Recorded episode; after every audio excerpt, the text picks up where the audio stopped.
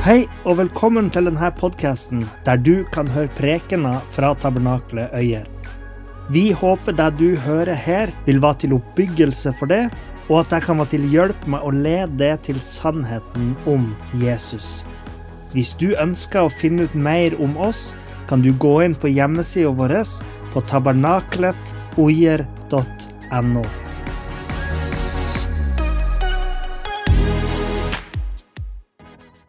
Som sagt så fortsetter vi en eh, liten prekenserie nå som handler om det å være som Jesus i vår hverdag. For det er jo noe med livet vi lever som kristne, og det livet vi ønsker at alle skal få ta del i. Å være en etterfølger av Jesus, alle menneskers for forbilde.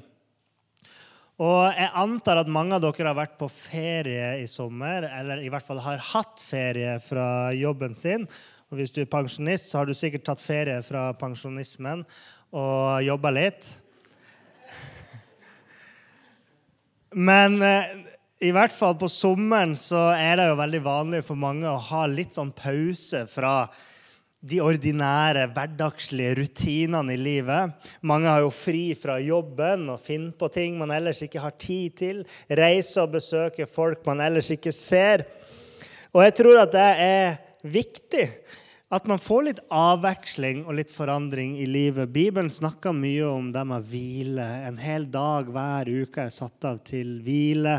Eh, jødene hadde et sabbatsår hvert sjuende år i, i Israel. Så, så hvile og, og, ta liksom den, den, delen av livet på alvor er noe som Bibelen og, eh, løfter opp.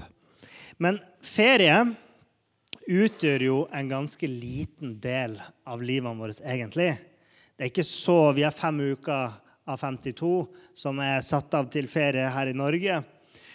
Livet vårt leves jo derfor for det meste i hverdagen, sjøl om vi har helg, da.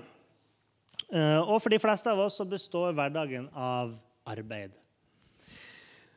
Og det betyr at for det som ønsker å være en disippel av Jesus, for det som har hørt kallet fra han om å følge han, og du har sagt ja til det, eh, og du går i det oppdraget som han har kalt det til, eh, så innebærer det at mesteparten av ditt disippelskap vil leves ut i din hverdag. Og I forrige uke så hørte vi om nettopp der hvordan Jesus kaller alle mennesker til disippelskap. Jesus han ønsker at alle mennesker skal komme til han og bli frelst ved han og få lov til å ta del i Guds rike og vandre der sammen med Jesus. Og vi så hvordan sant disippelskap, sann etterfølgelse, innebærer å leve i det livet som eh, Jesus lærer oss, ved å gå i gode gjerninger som han har eh, satt oss fri til å gå i. Eh, og så ga han oss disipler et høyt mål, nemlig å gjøre andre mennesker til disipler òg. I Matteus kapittel 4, vers 19 så sier Jesus når han kaller noen disipler, 'Følg meg, og jeg skal gjøre dere til menneskefiskere'. Dette er òg samtidig et kall til meg og til det om å bli menneskefiskere. Kom til Jesus, bli kjent med han og hvem han er. Og så vil han lære det og leve slik som han gjorde, og leve slik som Gud ønsker at du skal leve. For vår del så blir vi jo kjent med Jesus både gjennom å møte andre kristne som kan lære det om Jesus, men òg gjennom Bibelen og gjennom bønn og gjennom at vi kan få Den hellige ånd, Guds ånd, boende i vårt indre. Så du er invitert til å komme og følge Jesus. Men i dag så snakker vi om hvordan en disippel da forholder seg til arbeid jobben vår og det vi gjør mesteparten av hverdagen vår. Eh, for jobben er så viktig og en så stor del av livet vårt. Bare tenk på hva vi bruker å spørre ungene våre. Hva vil du bli når du blir stor? Ja, nå har jo det spørsmålet gått litt over alle støvelskaft i våre dager. For da spør man hva vil du bli når du blir stor jente? Vil du bli gutt? Vil du bli noe midt imellom? Men før i tida så brukte vi å stille det spørsmålet i forbindelse med hva ønsker du å jobbe med når du blir stor. Det mente vi med det. Og det er jo litt interessant at jobben er så viktig at vi spør hva vil du bli ja, vil du bli politi? Vil du bli sykepleier? Vil du bli mellomleder i Nav? Ikke sant? Unger har så mange forskjellige drømmer. Og sånn at jobben, arbeidet vårt, blir en viktig del av hvem vi er, vår identitet. Jeg er en pastor. Jeg er en politimann. Jeg er en sykepleier. Så det er viktig av oss med arbeidet. Og arbeidet er jo òg nødvendig for å tjene til livets opphold. Og um, I Bibelen så står det en del om arbeid. Og arbeidet er der faktisk helt ifra begynnelsen. I 1. Mosebok kapittel 2 vers 5 der står det det fantes ikke en busk på jorden. Og ennå hadde ingen plante spirt fram på marken. For Herren Gud hadde ikke latt det regne på jorden, og det var ingen mennesker til å dyrke den. Og i vers 15.: Så tok Herren Gud mennesket og satte det i Edens hage til å dyrke og passe den. Det er jo arbeid. Gud ga menneskene et oppdrag, en, en, en jobb å gjøre i verden.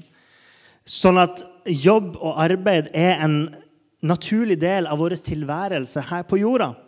Eh, fordi at gjennom vårt arbeid så er vi på våre forskjellige måter med på å forvalte skaperverket som Gud har gitt oss. Og I dag så skal vi snakke derfor om arbeid og dets forbindelse med vårt eh, arbeid i hverdagen. Eh, fordi at jeg tror at arbeid ikke bare skal være et evinnelig jag etter verdslige rikdommer, Eh, og jeg tror ikke at arbeidet er meint å være avkobla fra gudsrelasjonen vår. I en samtale jeg hadde her om dagen, så var det en som sa at når folk klager og syter sånn fordi ferien er over, så har de vel sannelig vært seg feil jobb. Eller noe i den dur. Og jeg tenkte litt på det som han sa der. Fordi noen ganger så kan jobben vår, arbeidet vårt, oppfattes som et sant slit, et strev, og man har ikke kanskje lyst til å gå på jobb engang. Og det kaller jeg syndens makt over arbeidet. Noen mennesker har opplevd arbeidet sitt som en lidelse.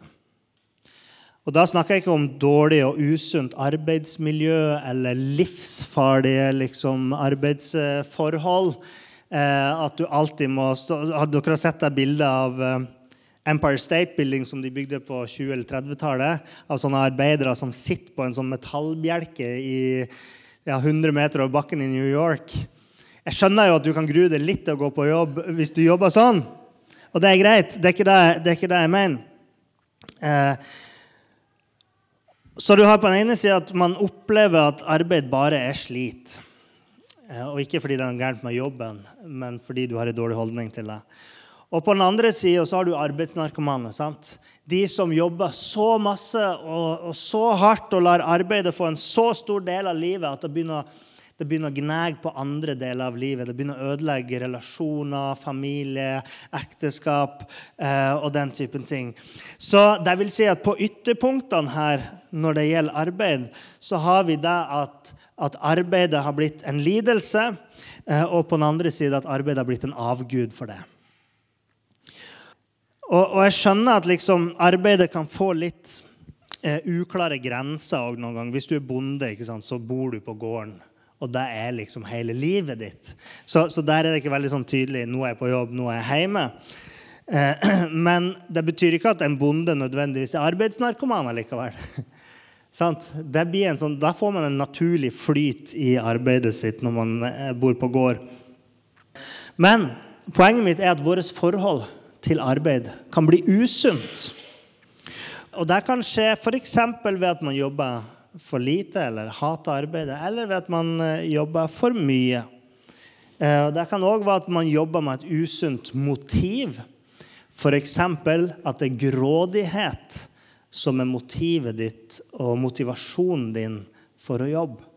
At du bare er ute etter å tjene mer og mer og mer penger. Eh, og grådighet er jo faktisk en ganske sterk pådriver for mange bedrifter og, og organisasjoner i, i, Norge i dag. Til og med eh, blant arbeiderne så er grådighet ofte en motivasjon for, for å arbeide. Og alt dette er deler av hvordan synden, det onde og syndefallet påvirker vårt forhold til arbeid. Gud ga menneskene arbeid som eh, en god del av sitt gode skaperverk. ikke sant? Vi så det han lot de få lov til å forvalte skaperverket. Men så sier, fallet, eh, sier Gud etter fallet i 1. Mosebok kapittel 3, vers 17. Eh, fordi du hørte på kvinnen og spiste av treet som jeg forbød deg å spise av, er jorden forbannet for din skyld. Med strev skal du nære deg av den alle dine levedager. Den skal la torn og tistel spire fram for deg, og du skal spise det som vokser på marken. Med svette i ansiktet skal du spise ditt brød. Gud satte menneskene i hagen for å dyrke den og pleie den og ta vare på den. Det er arbeid. Men etter syndefallet så skjer det noe med verden som eh, gjør at jeg tenker arbeidet òg vil bli annerledes. Vårt forhold til arbeid er annerledes. Nå vil det ikke være et gode, men det skal bli et slit. Med svette i ansiktet skal vi spise vårt brød fra da av, sier Gud. Og Likevel så tror jeg ikke at det er meninga at arbeid skal være et onde. Noe som vi bare må få unnagjort. Men jeg tror at det er noe godt. Hvordan er det gamle ordtaket Lediggang er roten til alt ondt. Det er en grunn til at noen vise folk har innsett det en gang i tida. At det er ikke sunt for et menneske å ikke arbeide i det hele tatt, og ikke ha noe å gå til og drive med i hverdagen. Men vi trenger ikke å la synden ha makt over vårt forhold til arbeidet vårt, til jobben vår. Men jeg tror at vi som disipler av Jesus kan ta tilbake verdigheten eh, og, og, gleden ved å arbeide. Bibelen fremholder jo det at arbeid er noe som Gud har lagd for oss mennesker som en del av sin gode skapelse. Og eh, vi kan kalle det for arbeidets verdighet. Og mange ganger i Bibelen så understrekes eh, viktigheten av og verdien av arbeid. Og Bibelen understreker ikke bare viktigheten av det, men den påpeker òg at Guds relasjon har en sammenheng med vårt arbeid. Og Dette var noe som man skjønte i reformasjonen. Tidligere så hadde jo Den katolske kirke hatt så godt som monopol på gudstjenesten i den vestlige verden. Men reformatorene de skjønte at man tjener òg Gud i hverdagen, bl.a. gjennom sitt arbeid. En som heter Vishal Mangalwadi, han skriver om det her i boka si. Disse reformatorene omfavnet det hebraiske idealet om arbeidets verdighet. I tillegg fylte reformatorer som Luther og Calvin, eh, Calvin europeernes sinn med den radikale bibelske tanken om at en bonde eller murers kall eller yrke var like betydningsfull som en prest eller munks arbeid. Alle troende var hellige og skulle utøve sitt yrke til Guds ære.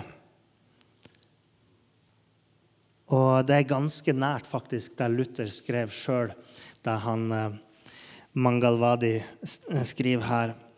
Fordi For Luther så var ikke eh, poenget Nei, så var poenget at en prest er ikke mer hellig fordi han utfører kirkelige handlinger. Og en bonde er ikke mindre hellig pga. at han jobber med jorda. De var alle hellige av sin tro. Troen helliger oss mennesker. Så gjennom reformasjonen så kunne på en måte enkeltmennesket, den enkelte troende disippel, ta tilbake gudstjenesten, få gudstjenesten inn i livet sitt og tjene Gud. Ta det med ut av kirka og tjene Gud på mandag og tirsdag. Så du er altså ikke mer hellig her i dag fordi du er på gudstjeneste, enn du var på jobb på torsdag. Og du er ikke mer tro til ditt kall som disippel på gudstjenesten i dag enn du kommer til å være på jobb i morgen. Som en disippel av Jesus så skal du leve ut ditt kall i din hverdag. Og du skal være fri i Jesu navn til å ta verdigheten tilbake over arbeidet. Eh, og, og, jeg vil at du skal finne en glede over deg å være i arbeid. I hvert fall du som kanskje synes det har vært tungt noen gang å gå på jobb. Eh, og jeg har lyst til å peke på noen perspektiv som er fin å ta med seg i den forbindelse når man skal forholde seg til arbeidet sitt en, eh, med et bibelsk perspektiv. Det første er arbeid som om det er en tjeneste for Herren. Når jobben blir et sted der du tar en pause fra Gud Det har jeg erfart noen ganger, at jeg glemmer litt av Gud. Jeg går på jobben, og så er det sekulært mens man er på jobb. Ikke pastorjobben min. Det gjør jeg ikke. Det Det var før jeg ble pastor. At, at, man går på jobb, og der skal det være sekulært, og så er det litt sånn pause fra Gud. på en måte. Og, og det er klart at Da blir det tyngre å være en disippel av Jesus. Man gjør det vanskelig for seg sjøl. Og kanskje man går, på, går, til kirka på søndag og tenker at da er man endelig som en av de tolv disiplene sammen med Jesus. ikke sant? Og, og, og at man er liksom mer hellig enn man går på møte. Men hvis Jesus da hadde sagt etter en preken Kom igjen, folkens. I morgen da skal jeg gjøre et stort mirakel og lære dere noen viktige ting. Og så tenker du åh, nei, jeg må jo på jobb i morgen. Kan ikke gå, i kirka. gå til kirka i morgen. Uh, og hvis jobben føles sånn, så skjønner jeg jo at det er kjipt. At du tenker i ditt hode at hvis ikke jeg kan liksom eh, være på bønnemøte hver dag i uka, eller, eller ha liksom smågrupper hjemme i huset mitt hver, hver dag, eller sånn, så, så, er jeg ikke en ordentlig disippel. Og åh, det der arbeidet står i veien for det som egentlig må gjøres. Men hvis man tenker at arbeidet er en del av disippelskapet, så gjør det jo ting enklere, ikke sant? Eh, et ordspråk går sånn som det her. Ordspråkene kapittel 16, vers 3. Eh, Legg alt du gjør, i Herrens hånd, så skal dine planer lykkes. Gud er med deg på jobben òg. Gud er med deg når du går ut av, av, gudstjenesten. Så legg arbeidet ditt i Guds hånd og si 'Bli med meg der, Gud'. Og Paulus han skrev i Kolossebrevet kapittel 3, vers 23 og 24.: Alt arbeid skal dere gjøre helhjertet, for det er Herren og ikke mennesker dere tjener.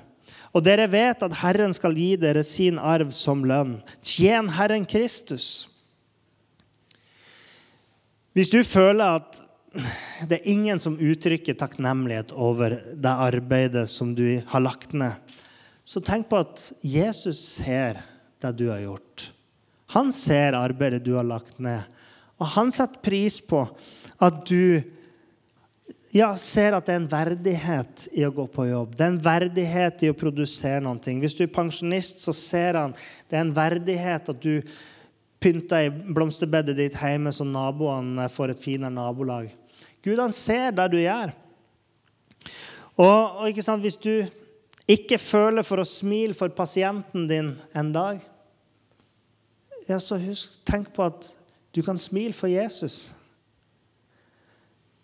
Eh, når du planter i jorda og tar deg av dyrene på gården, du jobber som bonde, så husk at du tjener jo Gud med å forvalte hans skaperverk. Du tar vare på dyrene, tar vare på jorda han har gitt oss. Og når du forstår at arbeidet ditt kan være en tjeneste, eh, som, eh, som om du tjente Gud sjøl, som du tjente Jesus, så kan det løfte ditt syn på arbeidet, sånn at du kan settes fri til å gjøre deg helhjerta. Nummer to la Guds moralske standard, eller la Guds etikk, veilede i arbeidet ditt. Hvis Gud har skapt arbeid til å være en god ting, og bryr seg om arbeidet som du driver med, så bryr han seg om hvordan du utfører det, og hvordan du oppfører det når du arbeider. Er du en uh, sytete latsabb på jobb, så vil jeg reflektere dårlig på Jesus fordi du er en disippel av han. Er du full av baksnakking og sladder på pauserommet, så kan du ikke forvente at kollegaene dine da vil ha lyst til å komme til det for å dele sine innerste tanker og, og, og dele om, om, det som har med troa å gjøre, og kanskje snakke om Gud hvis de en dag har behov for det. For de har jo sett hvordan sladrehank du er. Og vi lever ikke et dobbeltliv. Vi legger ikke igjen disippelskapet vårt hjemme. Så vi kan ikke oppføre oss dårlig på jobb og bra når vi er her i kirka. Eh, eller å gjøre en halvhjerta innsats på jobb.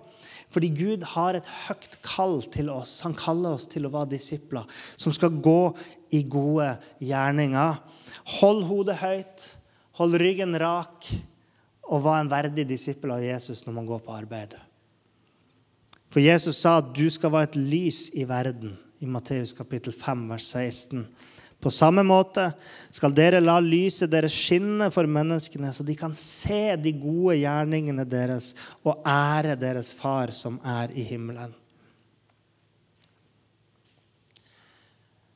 Nummer tre arbeid i kjærlighet for de neste. To bud, sa Jesus, var de viktigste.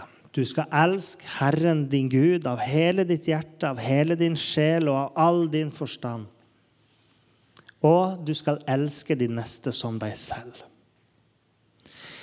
Hvis du jobber helhjerta som en tjeneste for Gud, så er det en måte å uttrykke kjærlighet til Gud på. Du er en trofast arbeider som går i i Guds gode gjerninger, som lar Guds moralske standard lede i arbeidslivet ditt. Det er en måte du uttrykker kjærlighet til Gud på. Men det kommer jo stunder kanskje, der man tenker hvordan i all verden kan det jeg gjør nå, være en tjeneste for Gud?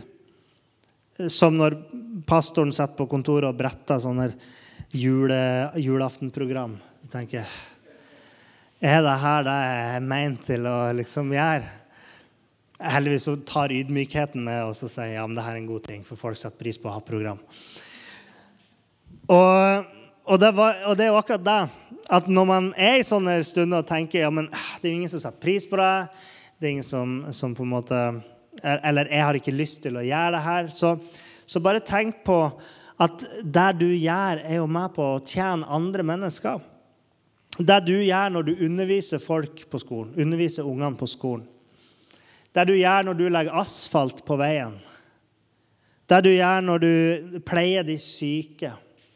Når du legger opp eh, medisinbrettet liksom, på sykehuset til pasientene dine. Når du spiller en sang for noen. Og når du mater dyrene dine. Når du planter, planter jorda di. Så gjør du jo en tjeneste for andre. Dyrene de skal bli mat for andre. Folk skal kjøre på veien.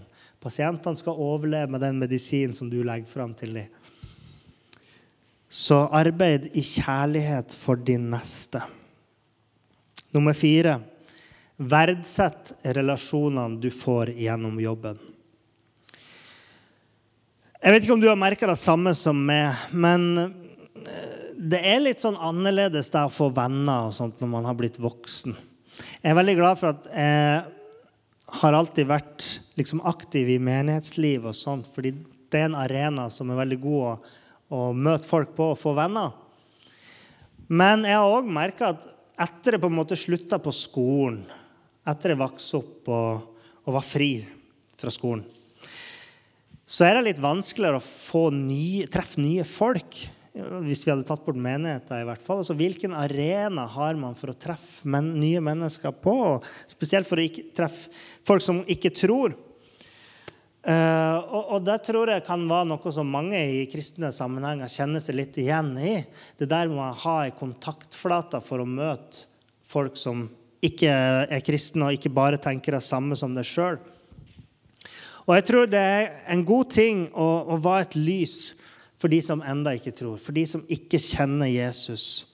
Og Derfor så kan de relasjonene man får gjennom jobben, være så verdifulle.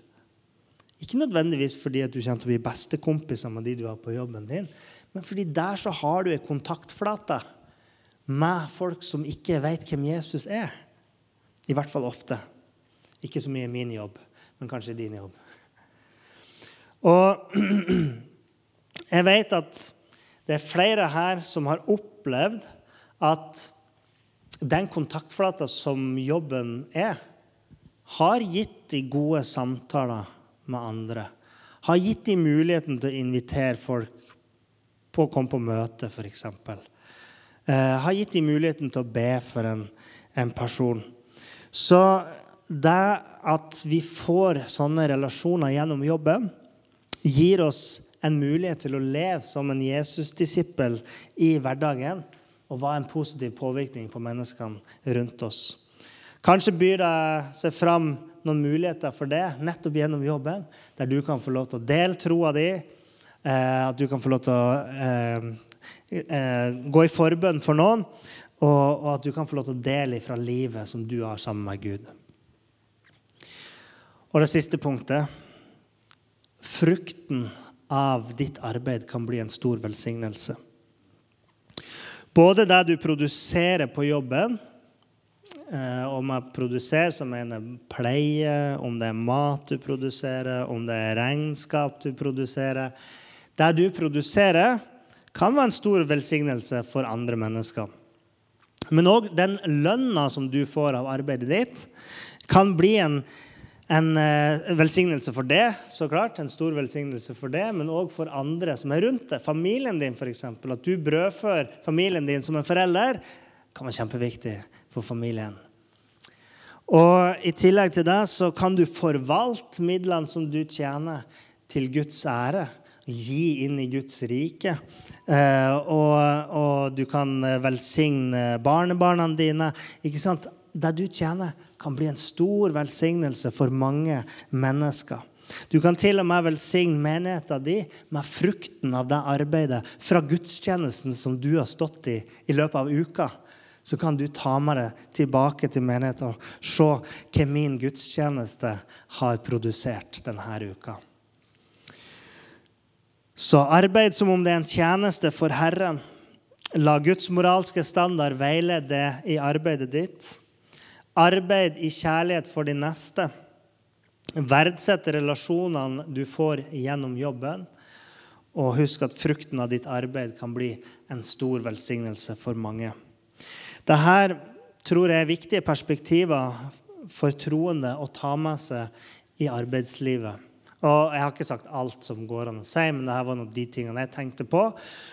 Og og jeg, jeg spurte meg sjøl litt ikke sant, hvordan tror jeg at Jesus ville ha vært hvis han var i arbeid.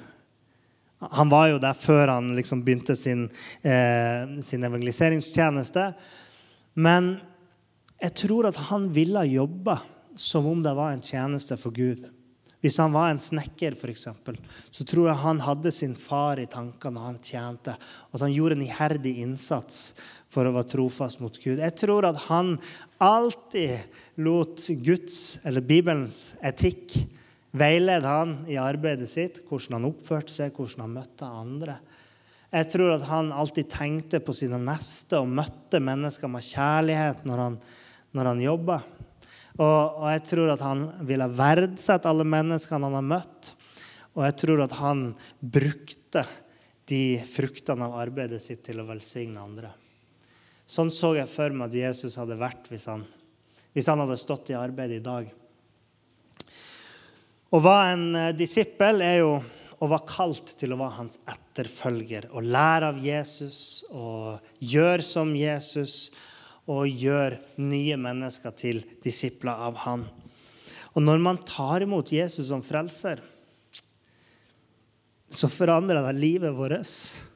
Alle områder av livet vårt. Det gir oss et nytt håp om at man ikke skal gå fortapt, og at ikke, dette livet er ikke alt som er, men vi kan tjene Gud her. Og så skal vi få arv evig liv i det livet som kommer.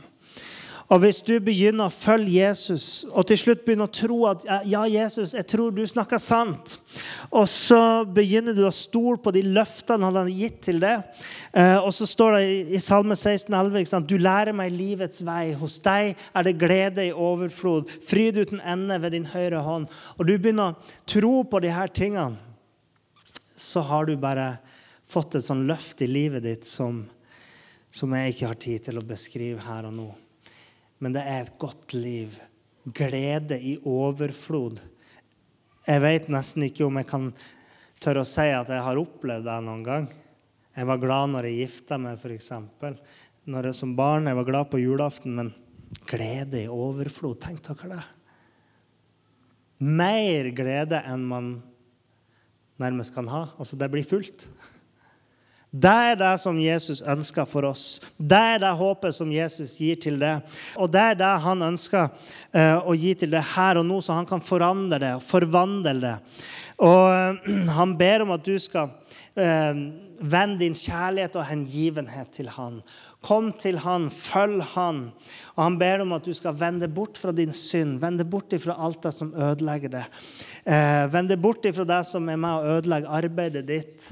Jeg vet ikke hvilke ting som kan være en utfordring for deg på arbeid, men, men det kan være ting som du har tatt med deg på jobb, som du aldri har reflektert over at det kanskje var dumt at du gjør det når du er på jobb.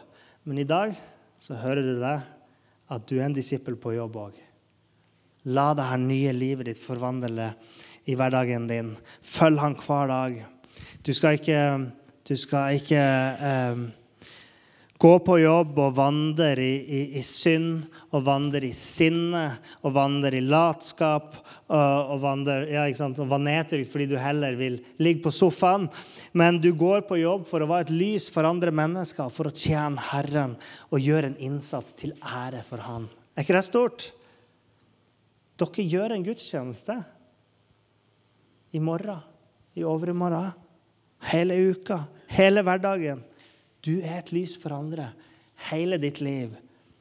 Kolosserne 3,23.: Alt arbeid skal dere gjøre helhjertet, for det er Herren og ikke mennesker dere tjener. Og Det gjelder om du er pensjonert òg, altså, så ikke føl deg ekskludert her i dag. Eh, det gjelder for det som eh, jobber som eh, frivillig, eller for det som er på dugnad. Når du, er, når du setter noe fore, så gjør det til ære for Gud. Og legger alt i hans hender. Og jeg tenker at Når vi vet det her, når vi vet hvordan Guds perspektiv på arbeid er, eh, hvordan Gud ser på våre daglige gjøremål og våre planer i hverdagen, så kan vi arbeide med livslyst livsglede. Vi kan ta tilbake verdigheten over arbeidet, som at vi arbeider for Herren sjøl. Så tenk over hvordan du tar med deg disippelskapet på jobben din i uka som, som kommer. Når du eh, setter i gravemaskinen din, når du setter i traktoren, når du graver i blomsterbedet, når du er på kjøreskolen, når du er på sykehjemmet, hvor enn din jobb er. Tenk på hvordan du egentlig tar med deg Gud og disippelskapet ditt ut i, i jobben din. Og så se er det noen områder der, der du føler at synden har fått makt over arbeidet ditt. Skal vi be. Herre Far, jeg takker deg for at du bryr deg om alle deler av livet vårt. Og du ønsker å velsigne alle deler av livet vårt. Og Hjelp oss til å vandre i, i ferdiglagte gjerninger der vi er. Eh, vi er ikke hellige fordi vi er i kirka i dag, eh, men hele livet vårt kan være hellig fordi at du døde for vår synd. Tok på deg straffen som vi skulle ha hatt, og du rensa oss Derfor så kan vi være hellige nå. Vi kan være hellige i tro på det. Derfor er vi hellige på jobben, eh, og vi er hellige eh, i hverdagen. Så jeg bare ber deg, far, om at du velsigner hver enkelt. Eh, velsign de som, som, står i fast jobb, mm, og, og hjelp de til å være en trofast disippel på arbeidsplassen sin. Velsign de som har oppgaver ellers, at de kan få kjenne at de kan gjøre det med glede. Velsign de som er pensjonist, som har sine hobbyer de driver med. La de òg få ta med seg noe av denne, det her perspektivet inn at du gleder deg over det vi gjør, over det vi produserer, og fruktene som vi kan velsigne andre med. Ja, Herre, hjelp oss til å forvalte lønna vår som vi tjener gjennom arbeidet, på en god måte. La oss forvalte den lønna òg til ære for deg, Herre. Vi ber om det i Jesu navn. Amen.